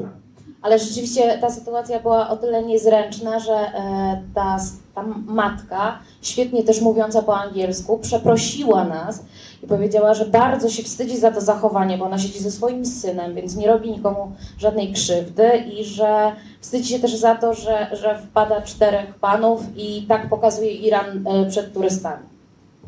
A ci panowie, jeśli chodzi o tych współpasażerów, to większość, y, y, większość stanowili ludzie, dla których to była wstydliwa sytuacja? Czy większość stanowili ludzie, którzy, którzy jakby byli po stronie tych strażników? Nie, nie, nie. Większość zdecydowanie wstydziło się tego w ogóle, co się wydarzyło, że taki incydent, że e, turyści przyjechali i że w ogóle co to jest, co to jest za prezentacja Iranu, to nie jest prawdziwy Iran. My się tak nie zachowujemy.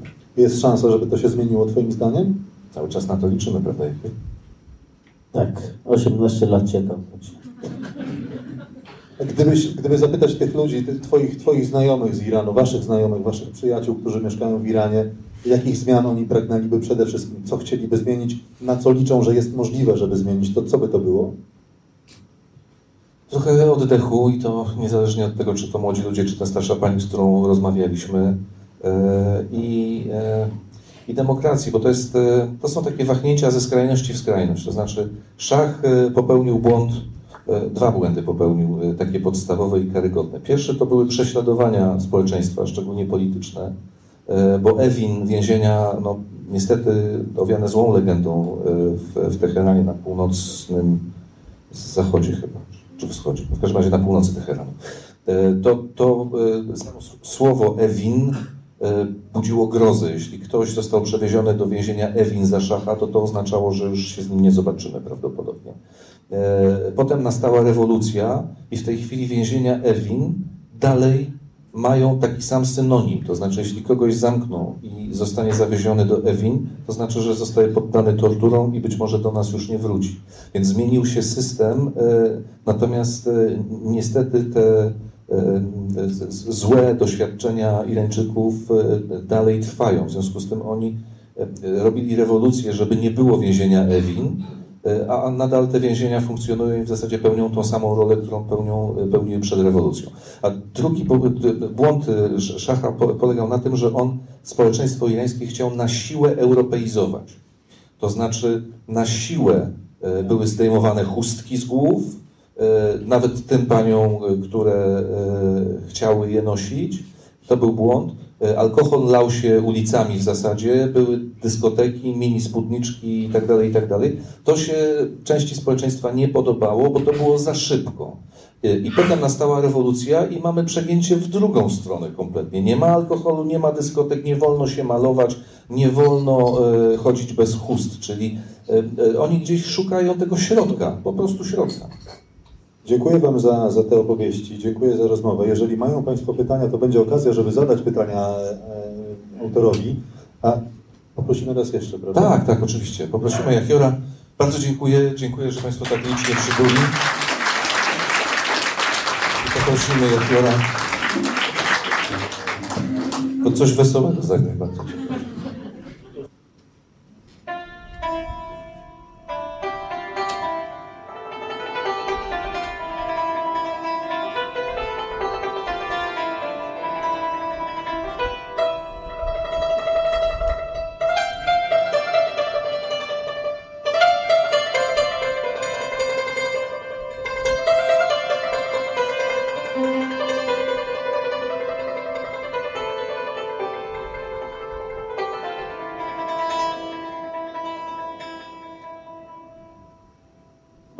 Chciałem teraz, żeby Państwo ze mną śpiewali, ponieważ e, kiedy Państwo śpiewają lepiej niż ode mnie, ja czuję się tak trochę u siebie.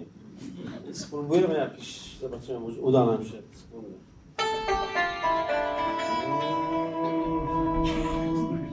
Amon, amon, amon. Śmiało, naprawdę, jesteśmy uczeni, jak rodzinna. Amon, amon, amon. Amon, amon, amon, amon, amon.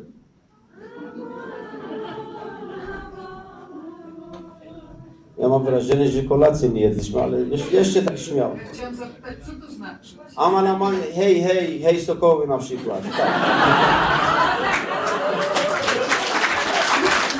Tylko że, tylko, że to jest bardziej po, e, e, poetyczne. To tak, ja powiedziałem hej sokowy, że Państwo trochę, tak, e, udało mi się. E, to jest taki bez słów, to jest taki śpiewany na liliu melodycznie, taki... O, coś takiego. Tylko, że do, do tego śpiewania nazywa się maga, czyli, czyli improwizacja. Musi być używane takich słów. Takie nie ma tam konkretnych słów, takich ja cię kocham, ty kochasz mnie, jutro o 18. Tak nie ma. Wracamy do wątku. Amon, amon, amon.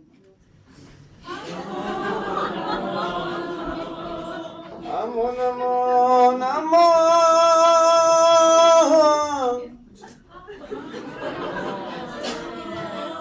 Tak jest, tam. Amon, amon, amon, amon.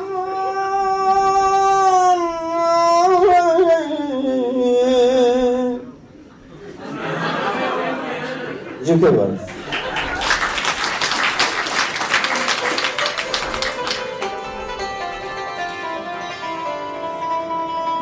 Może piosenki, co śpiewam, może to nie zna czas, bo to przywitamy wiosnę. To jest e, omado gol nazon hoştar nabosad.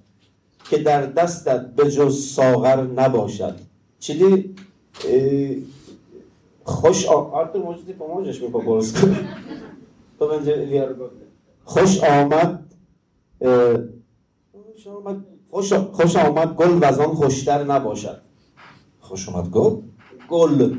ما گل رو بیمه روش هم ویتام بیتام جلن کفیاتی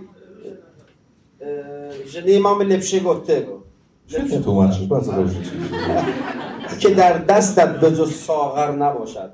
ساغر یعنی ساغر وین لامپ وین Właśnie tutaj mówił Hafez, mówi o, o, o lampkę wino, że na, właśnie Obraz jest taki, że oto róże nam rozkwitają, nadchodzi piękna wiosna i w takiej sytuacji trzymasz- niczego więcej nam nie brakuje, e, jeśli trzymamy puchar wina w dłoni. to 700 lat temu właśnie Hafez mówi nasza poeta. Czyli w Iranie tak, aż tak nieźle, tylko że, tylko że tak wyszło. Właśnie o ten temat jest, o ten temat, o ten temat jest ta, ta, ta Tak jest, tylko że tak wyszło. Po polsku nazywa, nazywałem to kwiat, po prostu żeby Państwo kojarzyli.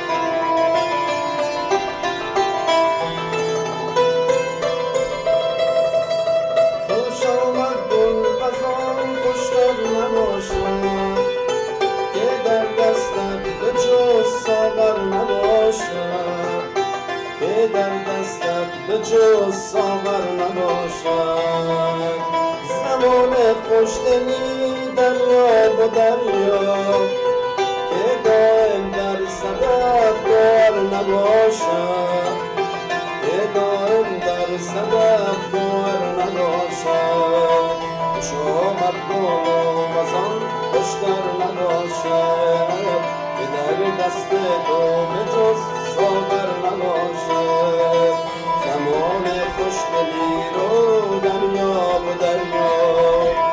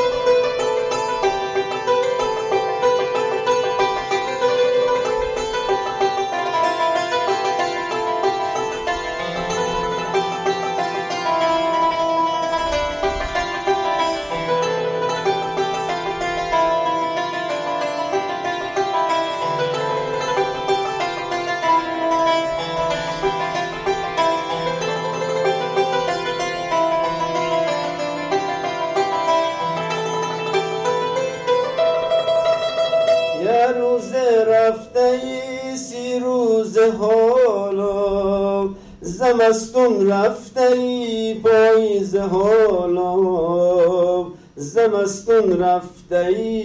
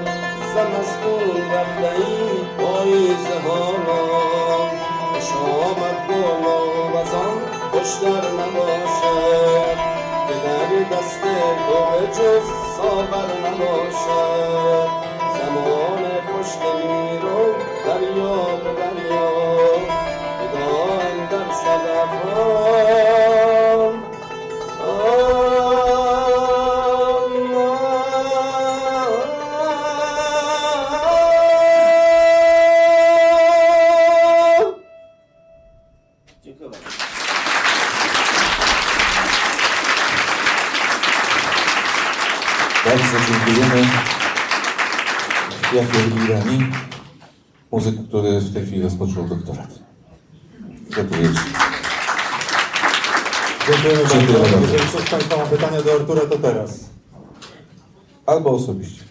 Albo... Tak, Ja mam pytanie. proszę bardzo. Ja tak, e, był pan chwila dotyczącego Iranu jakieś 3 lata temu i od tego czasu, nie, ja mam uczulenie na e, i od tego czasu staram się rokrocznie do Iranu jeździć. Tak, pomyślałem sobie, że naturalną koleją jest nauka języka perskiego. Jak w książce, jak pan pisał, że pamiętam, po roku, e, na pierwszym roku studiów pan zaczął tłumaczyć teksty dla. Teraz Przesadziłem trochę.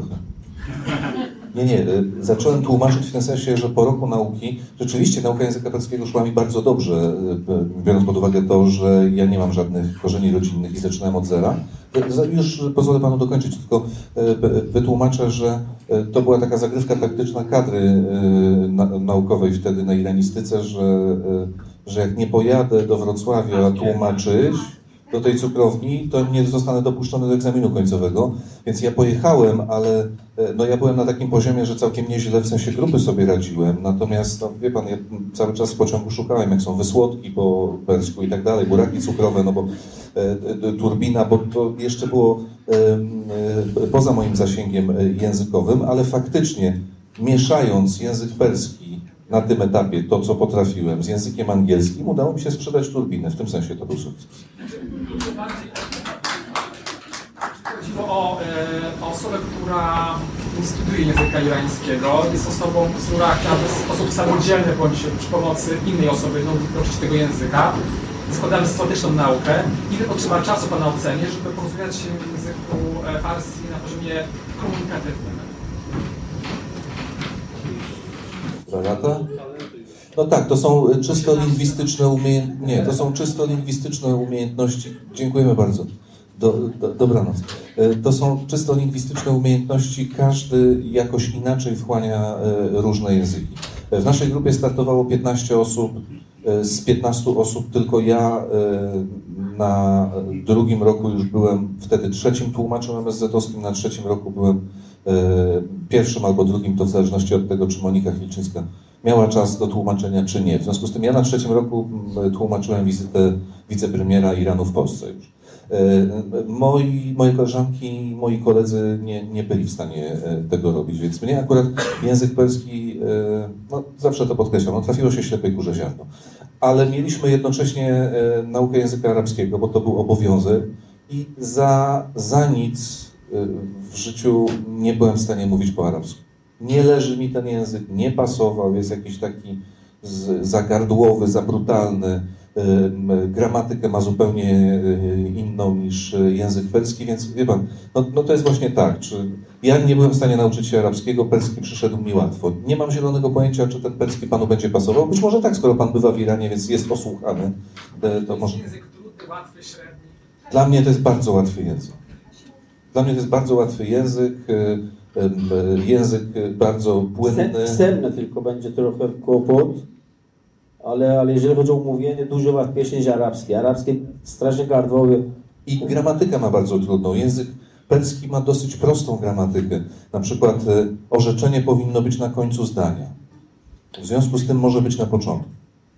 To wszystko zależy, to, to wolność mówiącego decyduje o tym, gdzie jest to. No, niedobrze, jak jest w środku. Ja sam właśnie... Po, powinno być e, be hone raftam, prawda? Poszedłem do domu, hone raftam. I raftam to jest czasownik na końcu. Ale jakbym z nim rozmawiał, to powiem, Raftam powiem hune. raftam hune. To jest skrót, tak. Tak? Czyli czasownik mamy na początku, a potem już nawet nie ma tego do, tylko jest sam dom. Poszedłem dom. Powiem panu, my się rozumiemy już. powiem panu tak, że dużo łatwiej niż polski język, bo ja sam czerpiłem, kiedy uczyłem się e, o, to idę, oni idą, my idziemy i to my nie mamy coś takiego. Ja myślę 2-3 lata w sposób komunikatywny jeszcze przy okazji pobytów. Nie wiem, jak długie są te pana pobyty w Iranie i czy pan ma Takie do dwóch tygodni. do dwóch tygodni. No to troszkę małe, bo pan pewnie został z miesiąc, bo taka by była szansa i zaprzyjaźnił się z kimś, to, to, to pewnie poszłoby łatwiej. Ale 2-3 lata taka komunikatywność, że, że nie wiem, na imię mam tak, przyjechałem z Polski i chciałbym się dowiedzieć, gdzie jest muzeum, to, to spokojnie. Przy dobrym nauczycielu oczywiście. Ja chciałabym zapytać, mam kilka pytań, ale chciałabym, chciałabym zapytać na początku, czy Iran ma hymn, czy ten hymn ma słowa i o czym jest? Iran ma hymn ewidentnie. Hymn został zmieniony po rewolucji oczywiście. Wiesz o czym jest teraz nowy Tak, tak, że, że shod, shod Jumhuriyet Islami Iran Bepa, czyli przyszedł Republika Islamska. A przedtem był e, tak naprawdę oryginalny przez 2500 lat cały czas śpiewali to samo.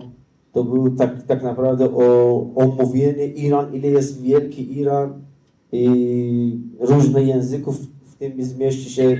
Nie było mowy w tym hymnie, że musimy zabijać i tak dalej. Oczywiście tutaj też nie mówi o tym, ale powstanie islamskiej e, republiki.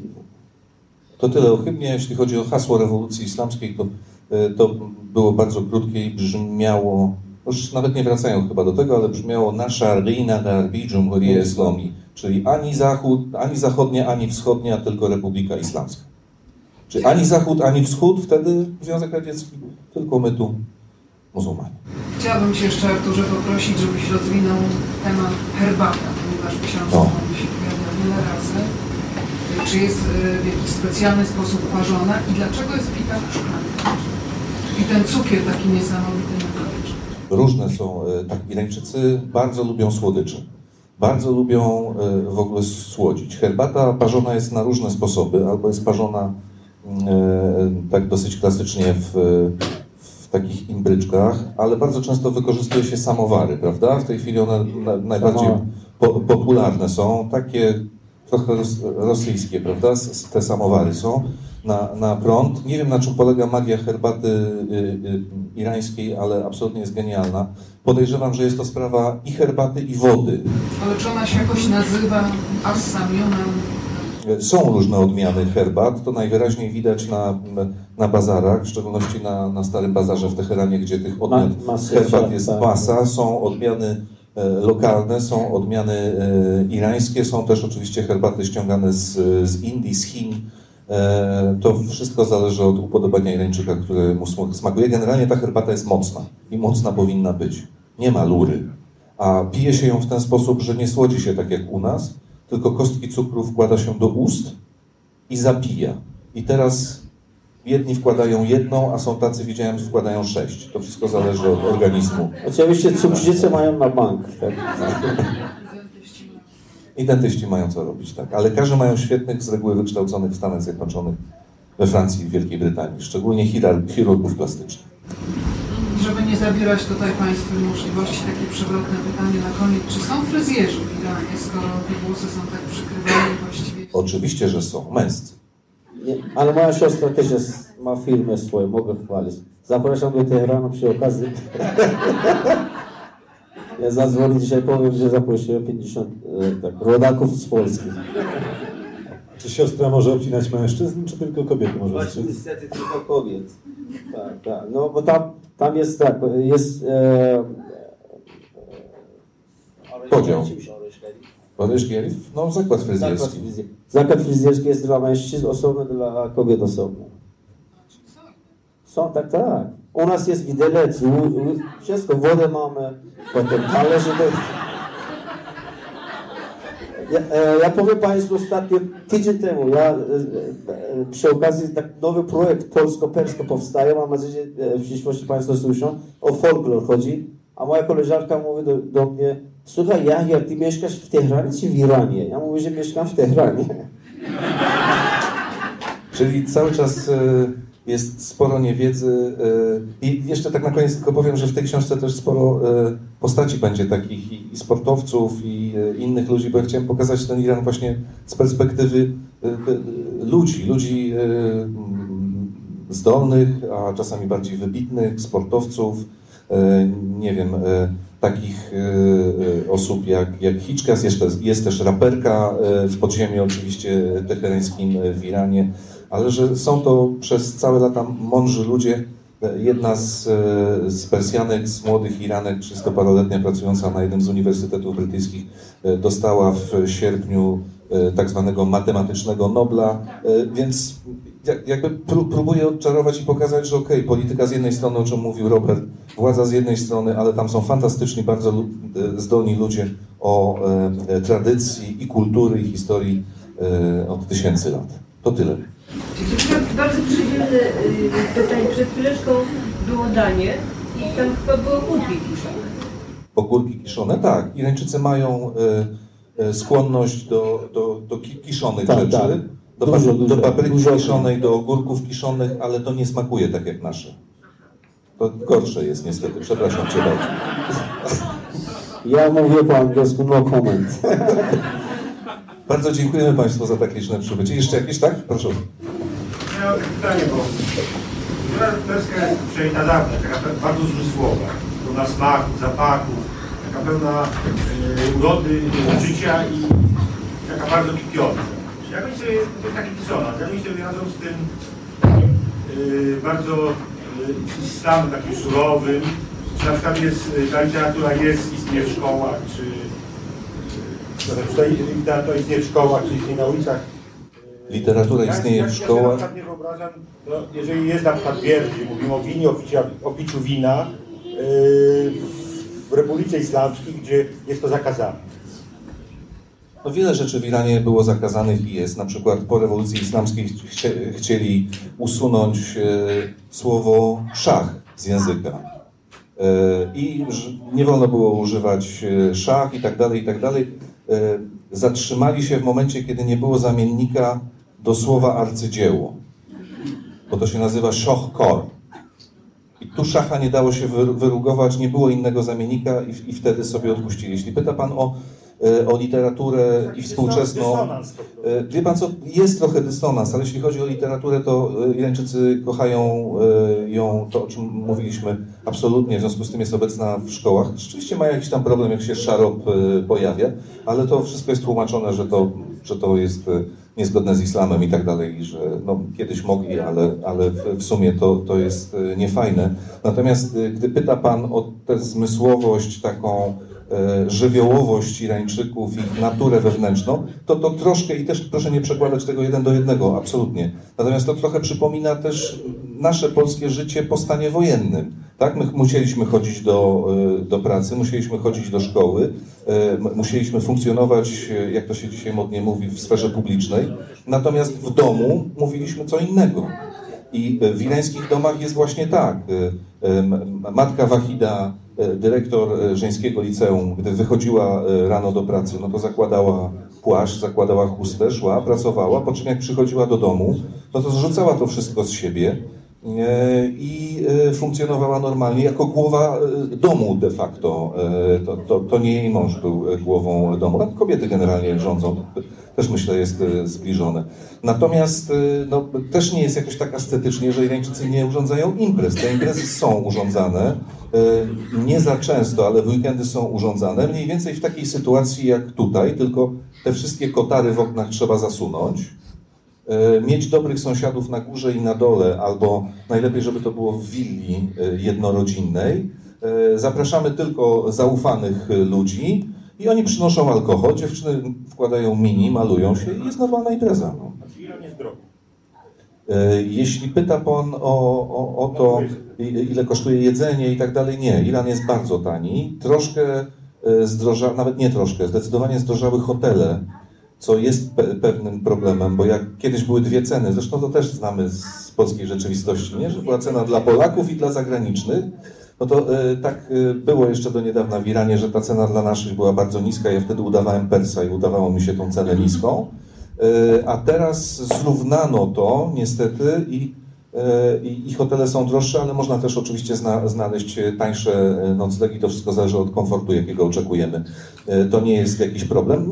Najdrożej jest z, z podróżą. No, jakby, no bilety lotnicze są drogie. Ta, ta droga naziemna jest dosyć męcząca, bo to ze Stambułu autobusem jedzie się 30 parę godzin non-stop. To, to, to naprawdę nie, nie jest łatwe, także ja jednak rekomendowałbym szukanie e, na jakichś promocji lotniczych, takich, żeby można się było dostać e, do Teheranu najtaniej. Sam pobyt e, myślę, że nie.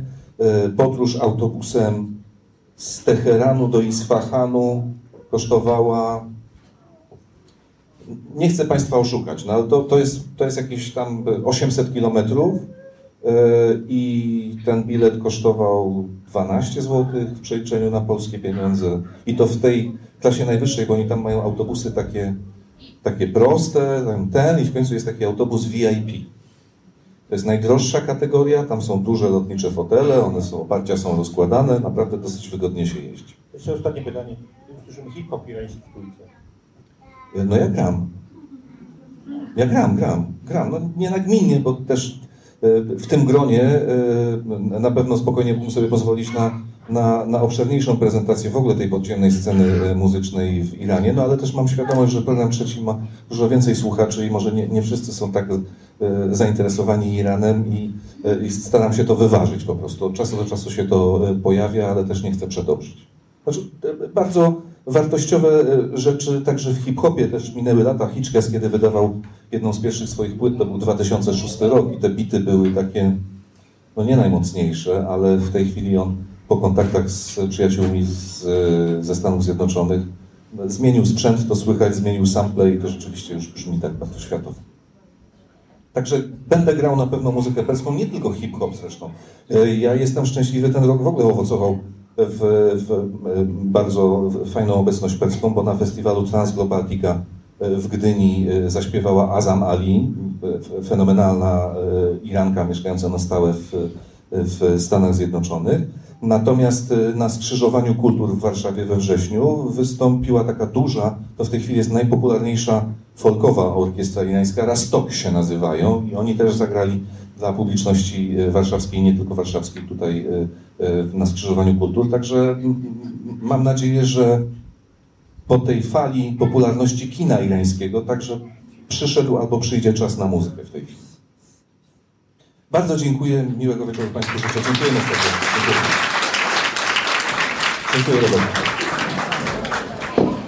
Fundacja Instytut Reportażu zaprasza do swojej księgarni z literaturą faktu i kawą w Żenie Świata na ulicy Gałczyńskiego 7 w Warszawie. Wejście przez bramy Nowy Świat 48 i Nowy Świat 52.